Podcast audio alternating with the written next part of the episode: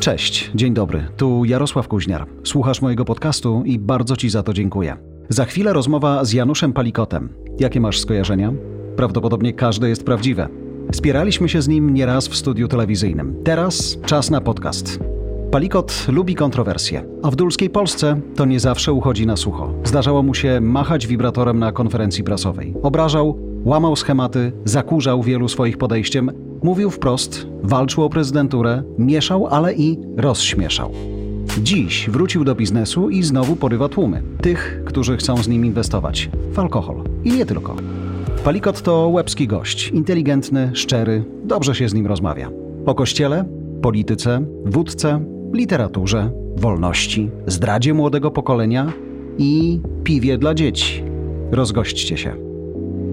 Dzisiaj mam przed sobą książkę, która jest podpisana Janusz Palikot, ale znam pana przeszłość, bo to jest i polityczna przeszłość, i biznesowa przeszłość, a dzisiaj no, ja wróciłem oczywiście do biznesu przede wszystkim, chociaż faktycznie napisałem w ciągu tych pięciu lat odejścia z polityki w 2015 roku trzy książki.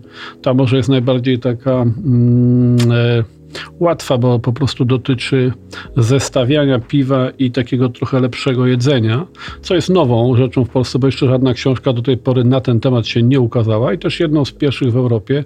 Do tej pory piwo uchodziło za napój, który można przy grylu popijać kiełbaskę czy golonkę i to jest cały zestaw gastronomiczny. Czyli dojrzewają Polacy do trochę innego myślenia o jedzeniu, piciu? Tak i szczególnie też w przypadku samego piwa jest taka ogromna zmiana, że zaczęto degustować. To znaczy w ogóle ta formuła degustacji, czyli taka lifestyle'owa formuła picia alkoholu y, i to dotyczy też mocnego alkoholu w tej chwili i whisky, i wódki, i innych ginów, prawda, rumu, e, ale w ogóle od, wi od wina, wina powiedzmy sobie od zawsze, bo to jest z natury wina, że wino jest degustacyjne.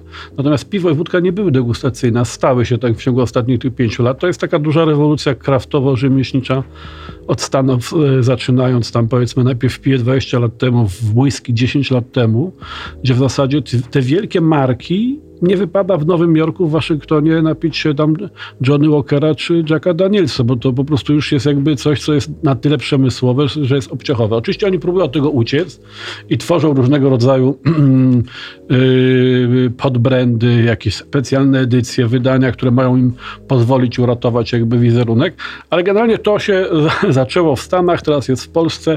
COVID to zatrzymał oczywiście, bo jak są zamknięte restauracje, puby, kluby i tak dalej i w ogóle przestrzeń publiczna jest trochę ograniczona, no to wiadomo, że tego typu rzeczy y, trochę wolniej biegną, ale tego procesu się nie zatrzyma. On będzie po prostu y, y, trwał.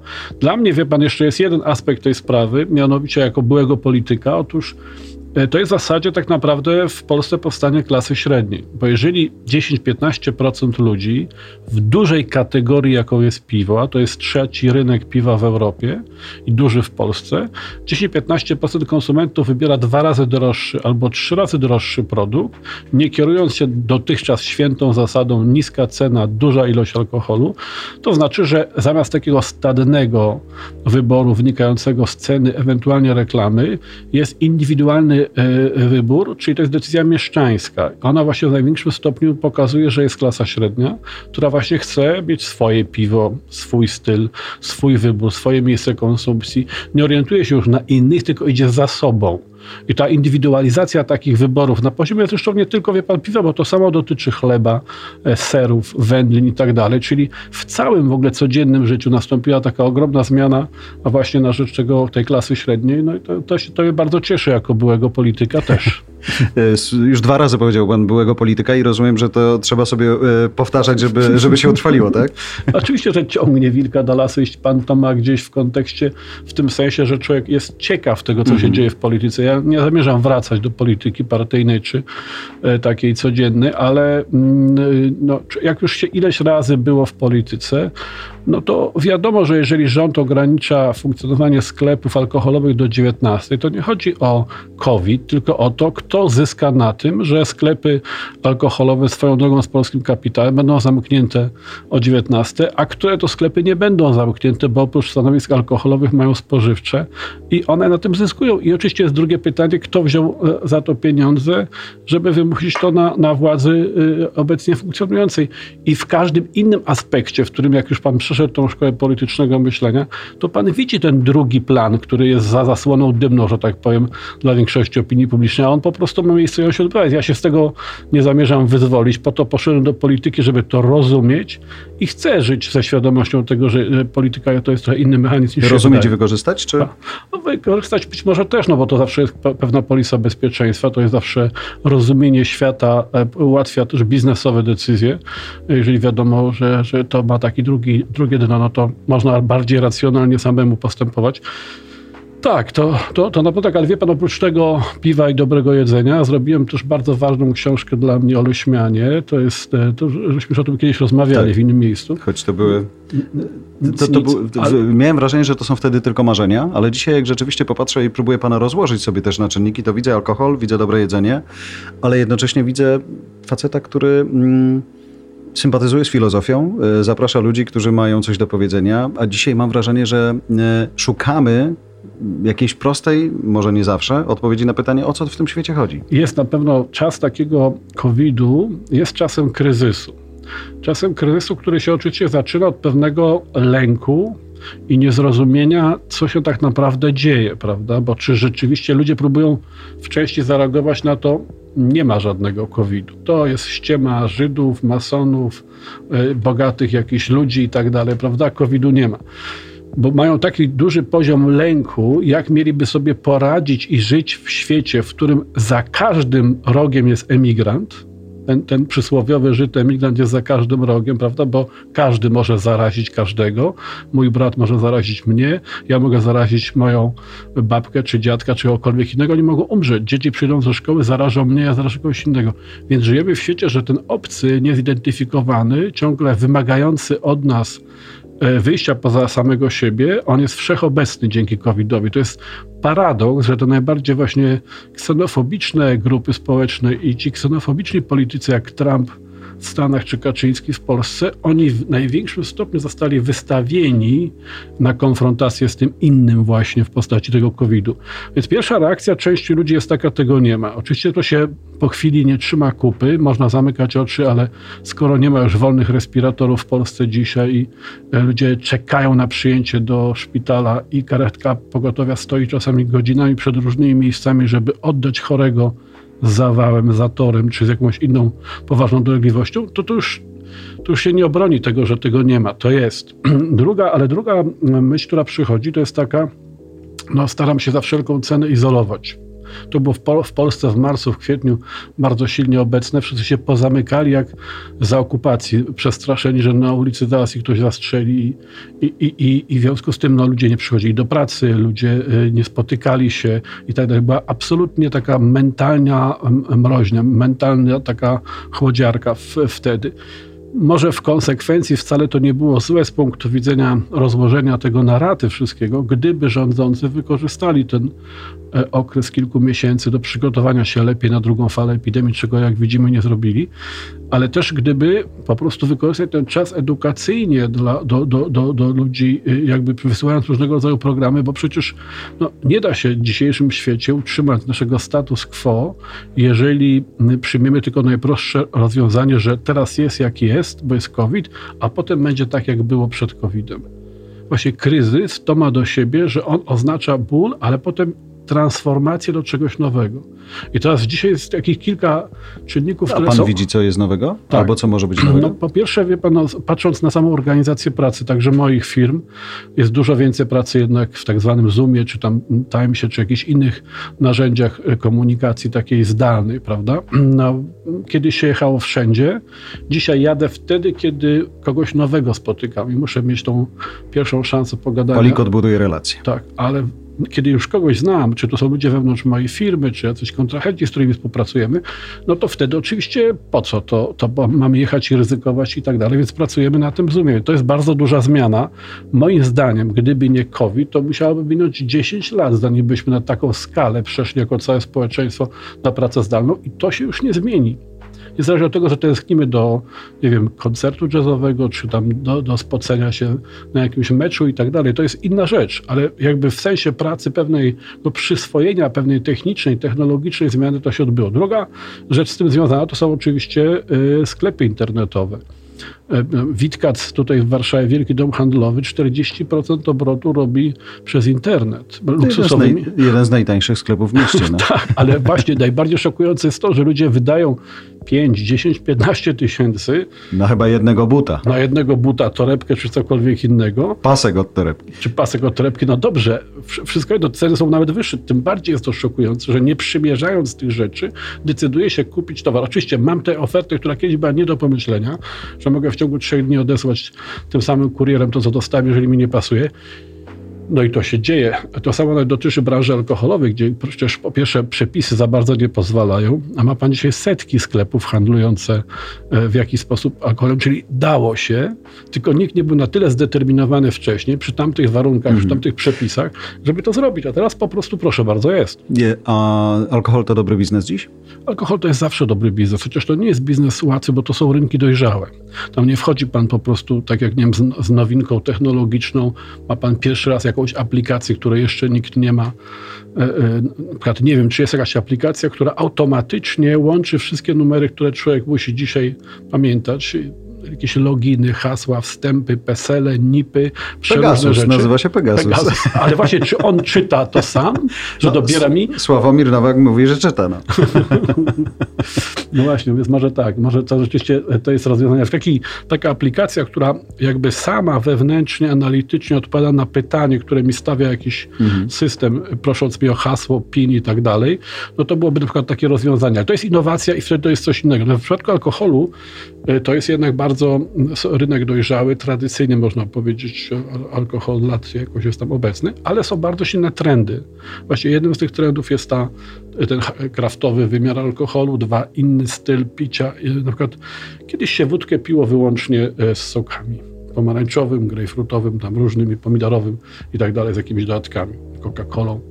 Dzisiaj jest w ogóle ogromny comeback do picia czystej wódki. No ale ta wódka też ta czysta, nie, nie, nie, nie, brudzona sokiem czy innym napojem, no to ona też jest inna, zakładam. Nie? No właśnie, tak. Także następują różne zmiany i trzeba te zmiany obserwować. Tylko ważne jest to, co pan powiedział, myślę sobie, panie Januszu, że pojawiła się klasa średnia, która zaczyna doceniać piwo, które kosztuje, ja ostatnio... Nawet 10 zł można na, zapłacić. Na Warmii 13 zł kosztowało piwo Ukiel, yy, tak jak nazwa jeziora, mimo że można było spokojnie kupić piwo, które było pewnie z 10 zł tańsze, nie? No tak. Rzeczywiście tak jest, ale też y, mm, faktem jest, że te nowe piwa, oczywiście jak, jak mhm. wszędzie jest, są, jest, są i dobre i złe, jednak one oferują coś nowego. Czasami to właśnie tylko polega Nie na... tylko nową marżę. No, no właśnie, no to na pewno, ale czasami to polega na dziwactwie jakimś. Ktoś coś dodaje od czapy zupełnie. No, słynne są i, i skandaliczne jakieś tam, powiedzmy, wąsy piwowara, prawda, czy bardziej intymne mhm. e, e, fragmenty ciała dodawane do fermentacji, ale to są po prostu takie ekscesy. Natomiast jednak na końcu ci, którzy robią solidne piwo e, górnej fermentacji z amerykańskimi chmielami i przy ogromnej tam rozmaitości tych, tych stylów, one mniej więcej są jakoś tam podobne, bo zawsze to jest po prostu silny zapach jakichś cytrusowych owoców i zbalansowany tam tą gorzkością w zależności od ilości tych mieli, no to to po prostu y, jest coś innego. Ludzie tego chcą. Jest jakaś w ogóle też taka niechęć, bo już nawet nie chodzi o cechy tego produktu, bo one oczywiście wyglądają inaczej, mają niewyraźny branding, są trochę takie antymarketingowe. W ogóle ta, ta etykieta, to jest bardzo ciekawe dla, dla piwa kraftowego i dla wódki, ona jest po prostu etykietą, która wyraża relację. Na przykład jak ktoś mówi o panie, nazwa piwa o panie, albo na przykład pan i pani albo modern drinki. No modern drinki mhm. jeszcze można byłoby po prostu uznać, że to jest w miarę adekwatne do produktu. No ale y, dziesiątki tych nazw w ogóle nie, nie opisują cech produktu, tylko mój stosunek konsumenta, tego birgika, hipstera, czy tam millennials, millennialsa, do y, w ogóle tej sytuacji picia piwa, prawda? Więc to jest w ogóle gdzieś się przeniosło z cech produktu na gdzieś obszar wcześniej tam się gdzieś rozgrywa ta, ta, ta bitwa, kto jest wiarygodny, kto jest niewiarygodny wśród tych piw kraftowych. Tylko z drugiej strony dzisiaj te piwa kraftowe powstają na potęgę, jest ich sporo. Pewnie róż, no, różnią się ceną, to wiemy, różnią się jakością, to wiemy, regionem powstawania, to wiemy. Jedne są pędzone prawie, że w, ważone, przepraszam, prawie, że w, w domach, w piwnicy u innych. Tak. Y, kolejni robią na tym biznes. Jest tam jeszcze miejsce na coś nowego? Jest, dlatego że właśnie do tego nowego zjawiska, z którym mamy do czynienia, należy brak wierności marce. Tak jak kiedyś jakiś tam dziadek pił całe życie piwo zwierzynieckie, -hmm. mój dziadek z, z Roztocza, a kogoś innego, dziadek Tyskie, prawda, czy Lecha w Poznaniu.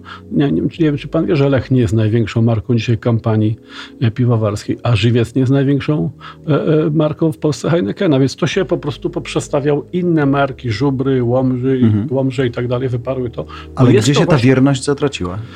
Przyszło nowe pokolenie, które jest po prostu no niewierne? Tak, tak jest, jest to po prostu w stosunku do przemysłu. No, moim zdaniem jest taka kolejna faza kapitalizmu, gdzie właśnie na początku budowano ten, tą lojalność do marki, identyfikację z marką i przez to jakby człowiek dokonywał wyboru, a dzisiaj ja w większym stopniu chcę być podmiotem tego wszystkiego i w związku z tym rynek nie, nie wrobi mnie w jedną markę, wrobi w cudzysłowie, nie nakłoni, nie zakocha, nie uwiedzie i tak dalej w jedną markę, tylko rynek musi y, mi dostarczać tej możliwości, że ja sobie skaczę w różne rzeczy, bo taki właśnie jestem dzisiaj, wolny konsument, wolny od obowiązku kupowania jednej marki, tej, tej samej. I to jest y, y, fajne w tym sensie, że wymagające, bo trzeba cały czas y, gdzieś koło niego być i tak. co chwilę z nim rozmawiać. Tylko pytanie, czy pana pokolenie potrafi? No, wie pan, Sopinta troszeczkę młodsi są ode mnie z 10 lat, ale nie tak dużo wcale, 40-kilkulatkowie. Oni zro robią, zrobili to właśnie, co jakby najbardziej odpowiada, najsilniejsza marka kraftowa, co najbardziej odpowiada tym oczekiwaniom, mianowicie premierem miesiąca, czyli co miesiąc ma pan zupełnie nowe piwo. Mhm. Już od wielu lat tak robią. Oczywiście to gdzieś tam potem znów wracają do tego sprzed 3, 5 albo tak całkiem czegoś nowego się już nie da zrobić, no ale jednak ta zasada, że ciągle właśnie jest premiera, i że na to się czeka i w zasadzie sprzedaż premier to jest 50% sprzedaży ogólnej, no to jest po prostu rewolucyjna zmiana. No, wprowadził to w swoim czasie kiedyś ten wielki hiszpański koncern odzieżowy do y, domów mody, mianowicie, że ma pan jakby, nie ma pan sezonu wiosna, jesień, mhm. zima, lato, tylko premiera jest co tydzień. Nowa kolekcja mody u Zary jest po prostu co tydzień. Co tydzień są nowe rzeczy, potem już ich nie ma. Ci, co kupili w tym tygodniu mają, co nie kupili, nie mają. Tylko myślę sobie o tym, że to właściwie dotyczy sporej części dziedzin naszego życia, bo tak, tak. naprawdę um, mamy to w każdej branży. Mówimy o piwie, mówimy o odzieży, hmm. mówimy o podcastach, mówimy o każdej, tak. każdej audycji telewizyjnej, radiowej i tak dalej, i tak dalej. Stąd moje właśnie pytanie, czy pan... Y inaczej. Jak pan buduje dzisiaj swój zespół, żeby to ogarniać? Oczywiście z młodymi ludźmi. No moi najbliżsi współpracownicy, Łukasz 30 tam parę lat, Przemek 20 parę lat. Y, teraz zrobiliśmy fuzję z doktorem Bru. To jest taka druga marka po mm. pincie piwa kraftowego. No to Tomek Czechowski jest jeszcze niespełna 30-letnim człowiekiem. Więc to są ludzie, którzy zaczęli mając 21-22 lata. Mm. Już przez 5, 6, 7 lat zrobili coś tam w swoim segmencie. Wcale nie mało niektórzy. No i ja jakby z nimi pracuję. Rzeczywiście jestem tam, oprócz mnie jeszcze Zbyszek Barowy, z którym byłem w Polmosie i w Ambrze, czyli taka stara gwardia, powiedzmy to sobie.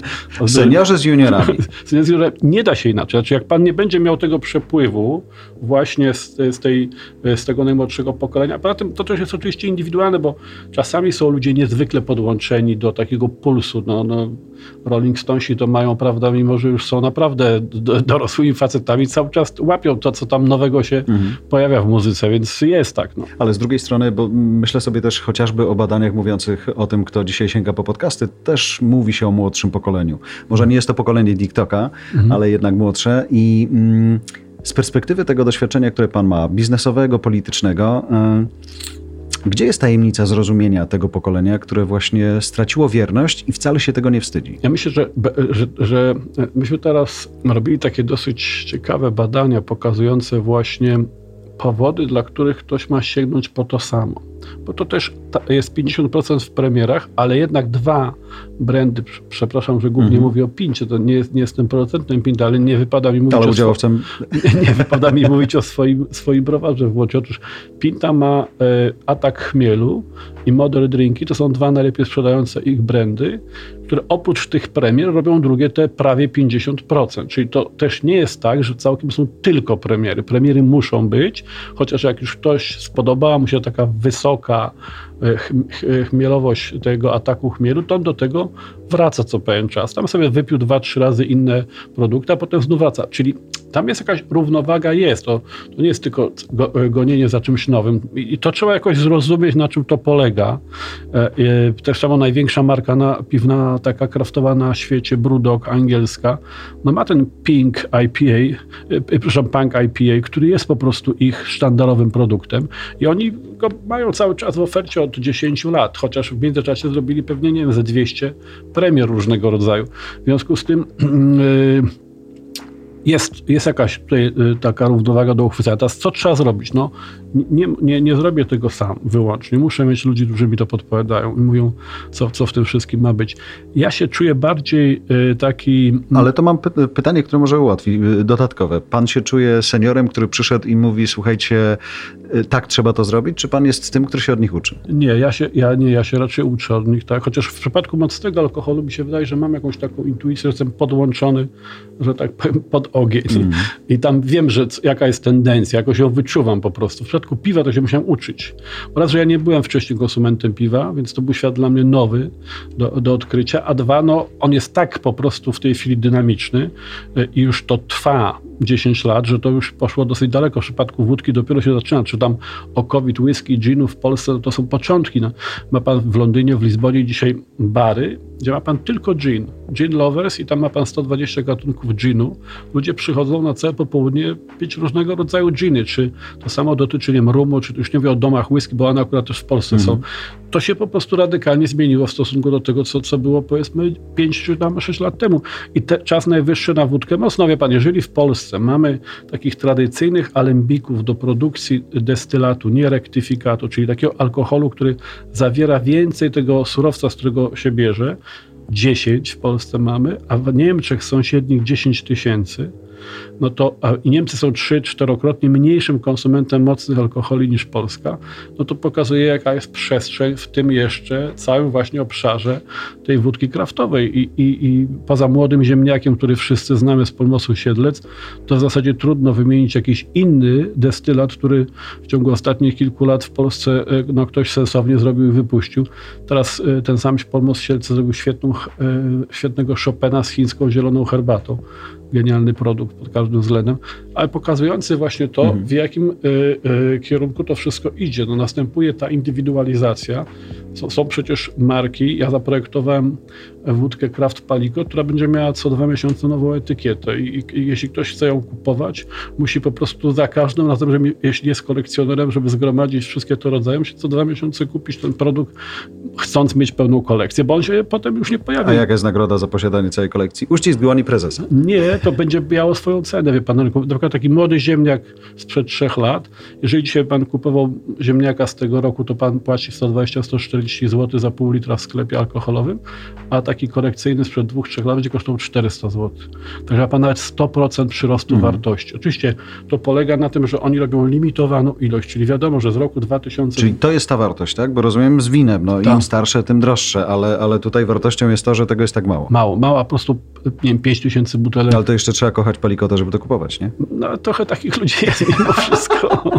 A poza tym jest ciekawość, co tam w środku jest. Czy to się czymś różni, czy nie, czy to jest hmm. tylko to. Więc to jest dla części ludzi przeznaczenie nawet 200 zł na taki zakup, prawda?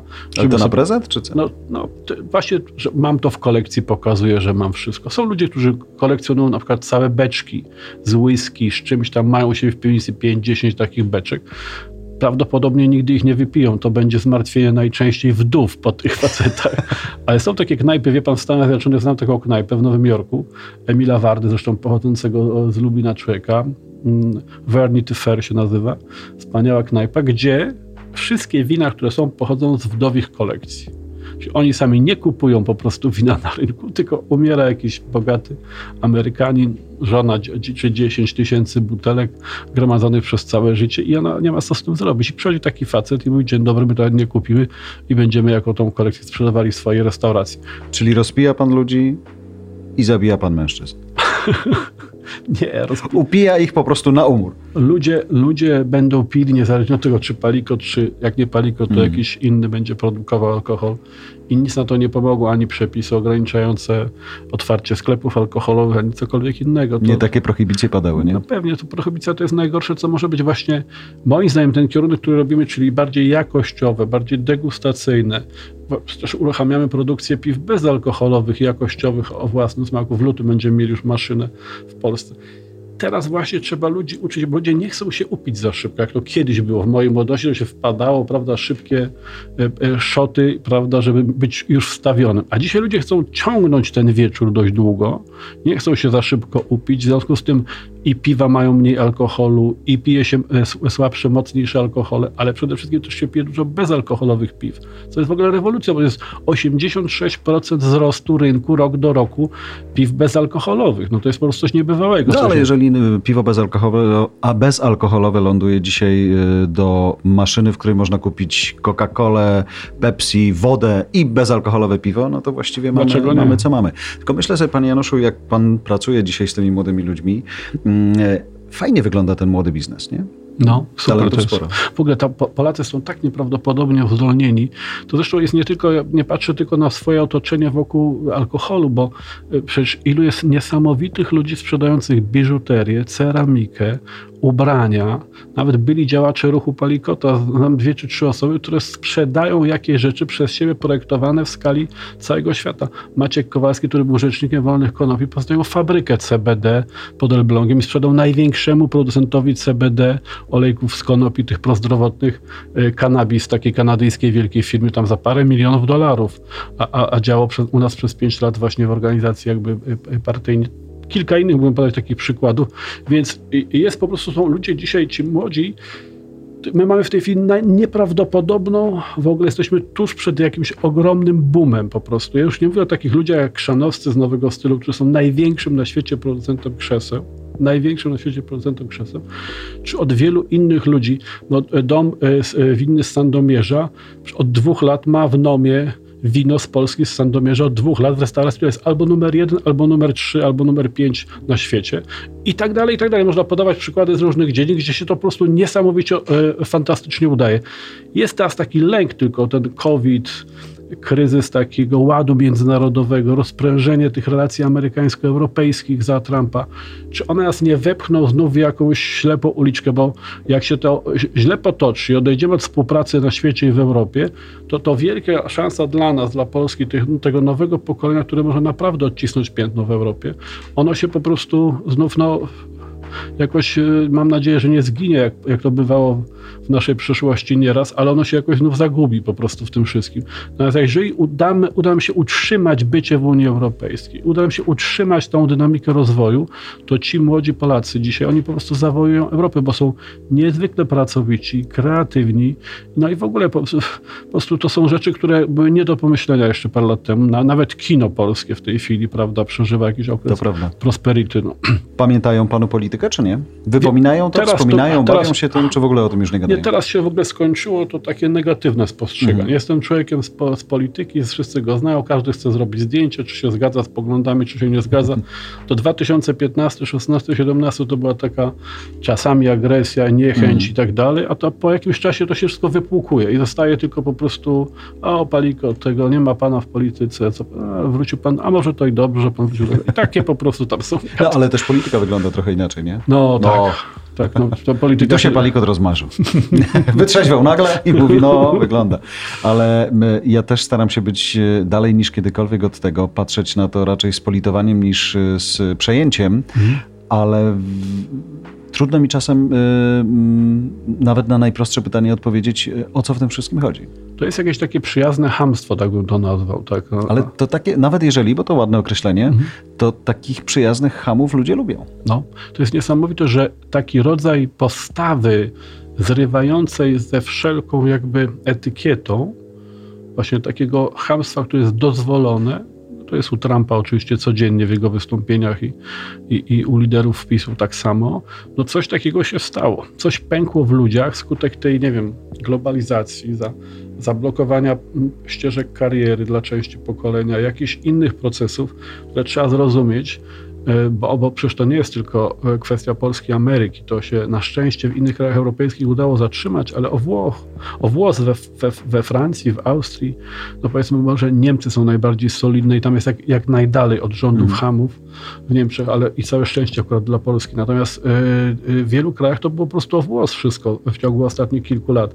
Więc jest po prostu taka, taki szturm powiedzmy sobie tacy nowi barbarzyńcy, którzy nie przyjechali z zewnątrz, byli, byli w każdym z nas, teraz się obudzili, dostali pozwolenie od elit, że mogą wszystko zrobić, no i ruszyli po prostu, podbijają nas od środka. No. Coś takiego ma miejsce. Ko ci nowi barbarzyńcy mają jakiś cel? E, taki, który jest poza czy ponad załatwieniem własnych, e, własnych korzyści, własnych interesów? Nie, moim zdaniem to jest jakiś taki deficyt e, edukacji, jakieś ogromne po, pomieszanie, poplątanie w rozumieniu wolności, które się dla wielu ludzi równa nieodpowiedzialność e, e, za nic.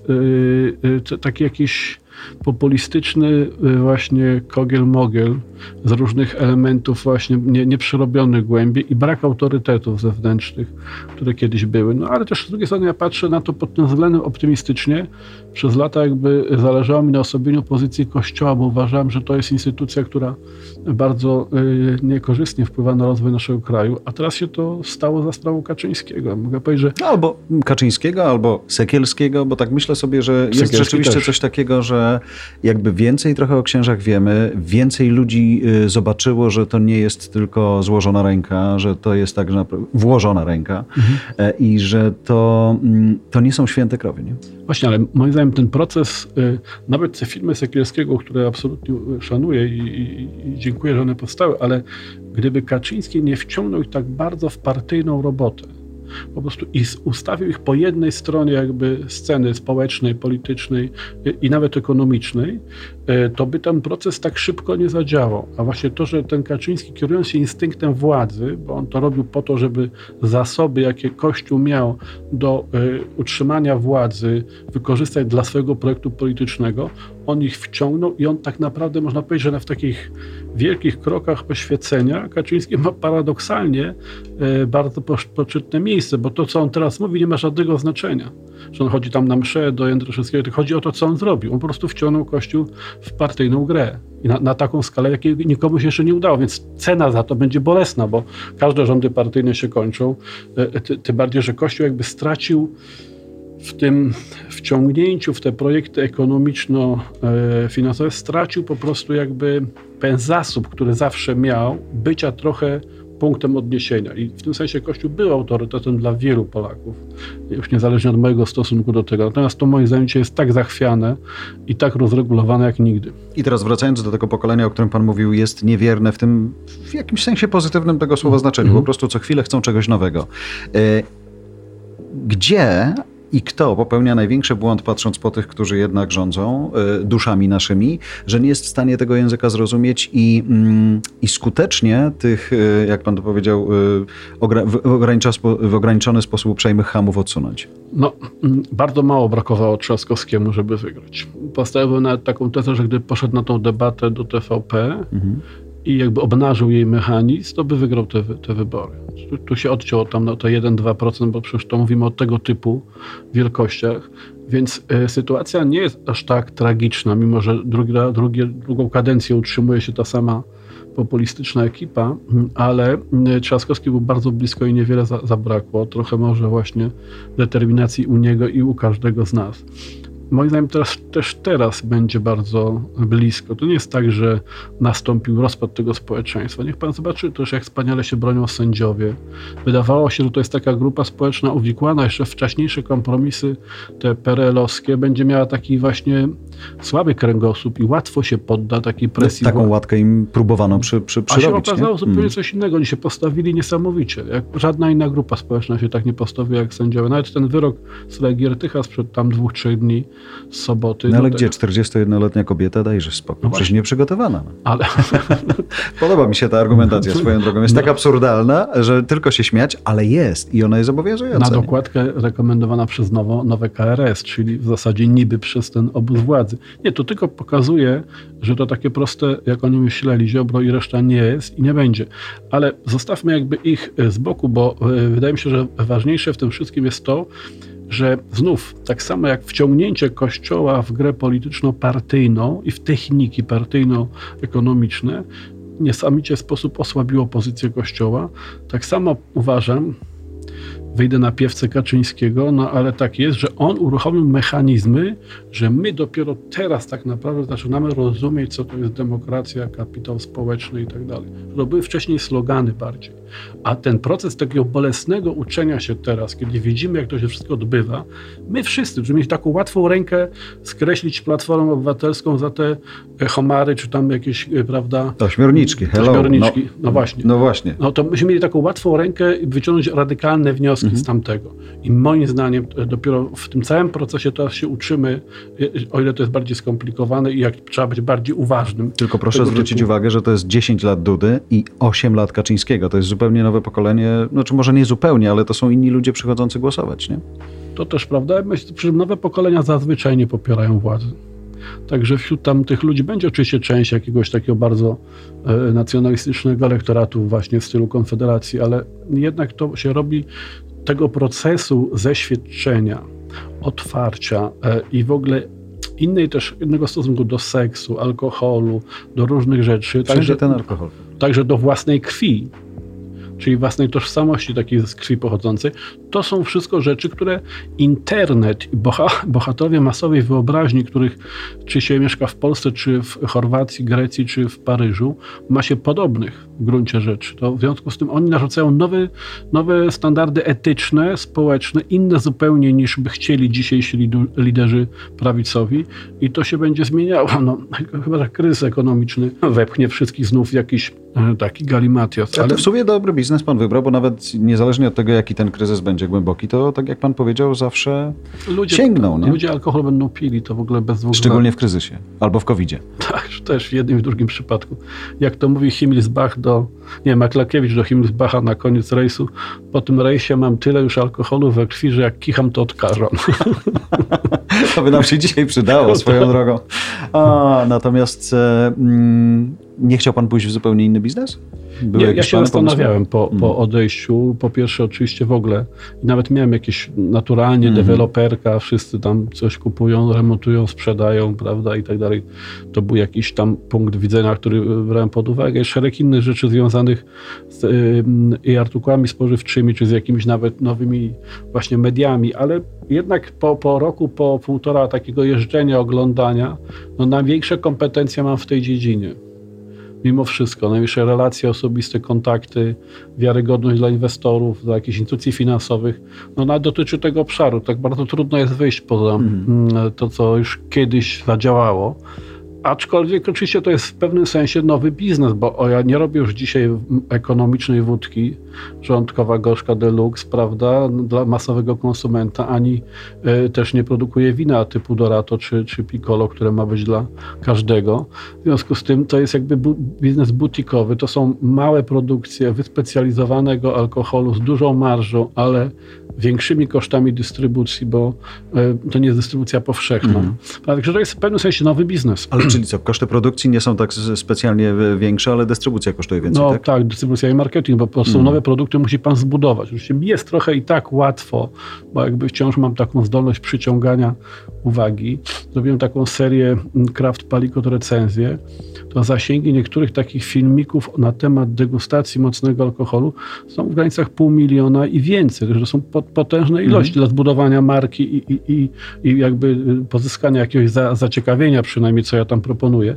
W związku z tym y, ktoś, kto tego nie ma, to mu jeszcze, jeszcze jest trudniej, żeby do tego dojść, ale to rzeczywiście ten dotarcie, marketing, pewien wizerunek, zbudowanie, przekonanie, a następnie oczywiście rzeczywiście no, takich sklepów, które handlują tanim piwem, to ma pan w Polsce 400 punktów sprzedaży, ma pan 400 tysięcy, a takich, które handlują e, specjalistycznym e, piwem, no to jest ich tam, nie wiem, no, 10 tysięcy. Mhm. Czyli zupełnie- jest cały czas wiarygodny. Niezależnie. Pokolenia się zmieniają, chodzi, on cały czas jest wiarygodny. Jeżeli chodzi o alkohol, muszę moich przeciwników zmartwić, tak, bo nawet ludzie piszą, nie zgadzam się z jego poglądami politycznymi, ale na alkoholu to się facet zna. Więc to na, na szczęście na razie cały czas działa. I my też robimy dobre rzeczy. Znaczy ja się nie obawiam o zmianę. Ja mogę mniej lub wolniej zarabiać na tym, bo, być może przestrzeliłem z jakością, być może to, to tak, ale yy, to nie ma, nie ma żadnego ryzyka dla, dla wiarygodności, ponieważ robimy bardzo dobre rzeczy. Myślę o jeszcze jednej rzeczy na koniec, bo poszedł pan w e, instytucje finansowe to jedno, ale też e, wyszedł pan na rynek w sumie i powiedział, słuchajcie, robię coś, chodźcie do mnie. I ci ludzie musieli panu zaufać. No to jest 5,5 tysiąca inwestorów już, wie pan, 5,5 tysiąca już. Mm. To jest, jestem w tej chwili firmą, która ma największą liczbę inwestorów w Polsce. To się w ogóle w głowie nie mieści. A dojdę do 10 tysięcy w przyszłym roku. Ale nie boi się pan, znaczy boi, nie boi, to jest fajne wyzwanie. Yy, że nie może ich pan zawieść. No nie mogę. To, znaczy, to jest moje nazwisko, to jest moje wszystko. Ja muszę dać radę. Bo to nie jest bank, gdzie wyślą komornika, jakby co, nie, podpukać, nie. nie? Ale przyjdą nie, i pana sami to, wyciągną z domu. Tak, a poza tym nie, nie, dadzą drugi raz pieniędzy na nic innego, więc to, to się musi udać.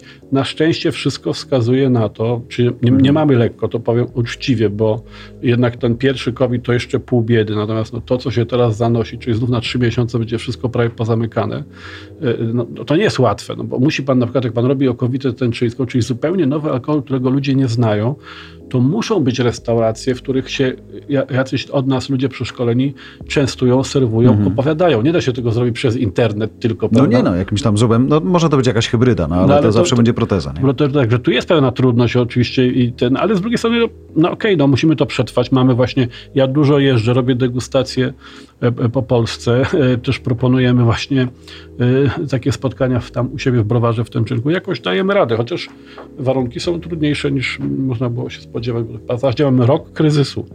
Ten. Mamy rok kryzysu, no więc... Ale... No nie, ale to jest rok palikota w sumie, nie? tak, po drugiej strony... Jeśli pan mówi, że dojdzie do 10 tysięcy inwestorów... Tak, no w tym sensie to, ten sukces jest y, y, oszałamiający i oczywiście też trochę paraliżujący, bo to jest już taka masa ludzi, że ja nawet nie jestem w stanie ich wszystkich znać. No, choć powinien pan, nie? Ale to są pana patroni. Ale 5,5 tysiąca ludzi. No ja rozumiem. To jest po prostu nie jest takie proste. Za co oni pana kochają? Chyba w zarządkową gorzką. Bo gdzieś tak, jakbyśmy mieli znaleźć jeden taki punkt, z którego to się wszystko zaczęło, to gdzie się nie pójdzie, to jak miałem tam te 20 lat, pierwsza randka z dziewczyną, nie trzeba było mieć zagrychy. Można było na pusty żołądek. Wszędzie ta żołądkowa gorzka wraca. Dziś już wprawdzie z nią nie jestem, ale żołądkowa gorzka została.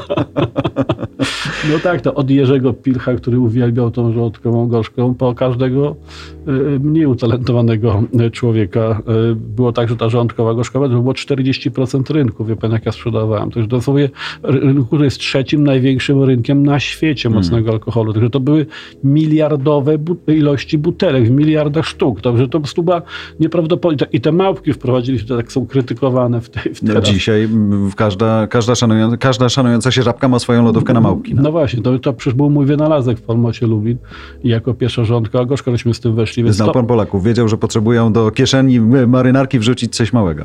No właśnie, więc to była to taka historia, którą, z którą ja już się chyba nie rozstanę bardziej właśnie niż cokolwiek innego. Zostały te małpki, ta rządka gorzka. Aczkolwiek niedawno likwidowałem sobie taki boks w banku jednym na, na, na różne rzeczy strażnik zauważył, że pani dyrektor, która pilnowała tej, tych czynności, odeszła na chwilę, podszedł, wziął mnie pod rękę i mówi, panie Janusz, dziękuję za cytrynówkę lubelską. to są rzeczy, dla których warto żyć. dziękuję za cytrynówkę lubelską. Mówi ochroniarz w banku. A, a Polska Agencja Rozwiązywania Problemów Alkoholowych się odzywa czasem? No teraz przy tym piwie to, to bardzo mało. My też, jak, jeżeli chodzi o na to mocne alkohole, to, to są niszowe alkohole, mm. więc to my nie Czyli nie ma pan na, poczucia, że robi krzywdę? Nie jesteśmy na froncie. To znaczy ci, co robią te 50% rynku zwykłej wódki ekonomicznej, no to pewnie oni mają, ale powtarzam jeszcze raz, ludzie nie dlatego piją, że ktoś produkuje alkohol. Piją z innych powodów, które się biorą z ich życia w rodzinie, z ich radzenia sobie w szkole, w życiu społecznym i tak dalej. Tu trzeba szukać jakiegoś rozwiązania. Alkohol oczywiście może pomagać w takim stoczeniu się i w, i w ucieczce od, od, konfrontacji z życiem, to to na pewno jest jakimś takim, mm, taką, taką próbą ucieczki, ale też no bez przesady, to, to jest jednak coś, z czego nawet alkoholika da się wyciągnąć z tej, z tej choroby. Niełatwo, ale da się. Sam mam takie kilka doświadczeń w swoim otoczeniu. Yy, Także nie, to nie jest nie, nie, w tym, nie w tym rzecz, żeby zabraniać picia, ale właśnie trzeba raczej dążyć do tego, żeby ludzie pili w towarzystwie, przy jedzeniu, żeby chcieli być jak najdłużej w tej sytuacji, a nie szybko się zamroczyć i, i uciec. Kobiety też się zaczynają wciągać? No tak, to, to jest taka tendencja w tej chwili bardzo silna, zwłaszcza jeśli chodzi o mocny alkohol. Paradoksalnie, bo się tak można było spodziewać, że kobiety będą piły wino i jakieś jasne piwa, a to się okazało szowinistycznym uprzedzeniem, bo bardzo teraz jest modne picie mocnego i czystego alkoholu przez właśnie panie. I właściwie dlaczego nie? Dlaczego miałoby być inaczej? No tam jakieś próbują się doszukiwać ludzie genetycznych, tam, że ileś tam pokoleń picia, Dorosłych nie picia. alkoholika? Tak, to, no ale nie, no właśnie jest jednak tak, że to się odblokowało. I, I, w pewnym sensie mm, już też tego nie zmienimy. To znaczy, to jest kolejny element tego równouprawnienia. Można, może sobie Sejm uchwalić dowolną dzisiaj ustawę o, o dotyczącą zakazu aborcji. Musiałby zakazać pić czystej wódki, żeby zepnąć kobiety na tą samą pozycję co kiedyś. Czyli zmiany pewne kulturowe tak daleko poszły, że nawet jeżeli jakiś absurdalny rząd w Polsce ograniczy aborcję, to kobiety to zrobią w Czechach, czy, czy w Niemczech, czy w Holandii, e, e, a wszystkiego nie są w stanie zabronić i podróżowania i każdej innej rzeczy, bo po prostu tego już społeczeństwo nasze nie, nie przyjmie. Oni zresztą sami o tym wiedzą. Czyli w sumie skrupułów jako producent pan nie ma żadnych? Nie ma. Zrobiłem piccolo, szampan dla dzieci. Jak gdzie nie pójdę dzisiaj, wszyscy, wszystkie dzieci Rozpiję piją polskie dzieci, więc rozpiję polskie kobiety i polskim facetom dam inny alkohol. Dla, facetu może być już bezalkoholowy. Niektóre odpoczną panie rzeczywiście są dzisiaj y, szansą. Nie, to to, to, nie jest tak, że się rozwija, aczkolwiek chciałbym zrobić takie piwo dla dzieci, prawda, które... Piwo dla dzieci? Tak, które Jezus. jest... A dlaczego nie? No przecież wie pan, wszystkie dzieci piją te piwa bezalkoholowe. To my się, my się tylko oszukujemy, Ale to jest taka hipokryzja. Gdzie się zaczyna dziecko? No, no wie pan, oczywiście to jest... 12, 13, no właśnie, 15, 13, tak? 14 lat, no to są i dzisiaj i inicjacja seksualna jest wcześniej, i w życie takie jakby... Alkoholowe jest wcześniej. Wcześniej. I życie w mediach społecznościowych jest no, wcześniej. zdecydowanie. Ale no, tylko, że to od nas, od pana, ode mnie zależy, żeby oni tam w tym nie zginęli. No. I lepiej ja wiem, że... byłoby... Niech pan mi powie tak. tak. Ja, ja, pierwszy alkohol, nie wiem jak pan, to, był, to była wódka prawda? Bo gdzieś tam wszystko było zabronione, nielegalnie, człowiek się dorwał gdzieś z kolegą. To ja Sofia. No właśnie. Jezus, gorąca była taka, bo ją trzymaliśmy z kolegą pod poduszką, żeby pani nie widziała. No właśnie. Nie dało się tego pić. Dobra. I teraz tak, czy nie lepiej jest, że mam w domu sytuację, w której dostaję piwo bezalkoholowe, czy mam to, to piccolo, ten szampan bezalkoholowy i jestem oswojony z całą tą sytuacją i nawet nie dziwi rodziców, którzy poczęstują, powiedzmy sobie, już takiego dorastającego człowieka odrobiną alkoholu, jak to ma miejsce we Włoszech, Francji, Hiszpanii, we wszystkich krajach. Głównie oczywiście przy pomocy wina, to prawda, ale jednak to ma miejsce i nie ma tego takiego rzucenia się na coś zabronionego i mhm. takiego dzikiego konsumowania właśnie na prywatce, do późna w nocy, nieprzytomnie, potem nie wracam do domu, bo boję się wrócić i tak dalej. No to jest dopiero wszystko Czy Przygotuj swoje dziecko piwem dla dzieci. Tak, tak, żeby ono po prostu miało pewien nawyk, żeby widziało, że, że jak ty pijesz, chyba że sam masz problem z alkoholem i pijesz konsum, no to byłby zły kompulsywnie, nawyk. to wtedy zły nawyk. Ale jeżeli to jest coś takiego, że wypijamy na Śląsku piwo do obiadu czy do kolacji, tak gdzie wszyscy piją 2-3 litry piwa dziennie, bo taka jest statystyka na Śląsku, no to, no to dlaczego ci ludzie nie mają widzieć po prostu normalnego, e, normalnej konsumpcji piwa? Spalą nas. Musimy kończyć, bo nas spalą. No dobra. Y, tak, to e, ognistą Piwo wodą w takim dzieci. razie. Ognistą, no nie, tak, to podaję przykład piwa dla dzieci. Nie, teraz widziałem nawet wódkę zdealkoholizowaną, wódka 0,0%. Na zasadzie zupełnego dziwactwa, ale są maszyny, które pozwalają najmocniejszy nawet alkohol zdealkoholizować. A to smakuje? Wódka nie, whisky tam coś zostaje w tej whisky czy w ginie, ale wódka, no to co zostaje? Sama woda, no to jest no. bez sensu, ale na zasadzie wódka bezalkoholowa Lepszej puenty nie szukajmy. Dziękuję. Janusz Palikon. Dziękuję. Dziękuję za Twoją uwagę. Oceń naszą rozmowę. Co o niej sądzisz? Zasubskrybuj mój podcast. Bądźmy razem blisko. Znajdziesz mnie na każdej platformie podcastowej, w każdym kanale social media. Z moim zespołem szykuję już kolejne rozmowy, a teraz zapraszam na stronę Voice House po więcej dobrej treści.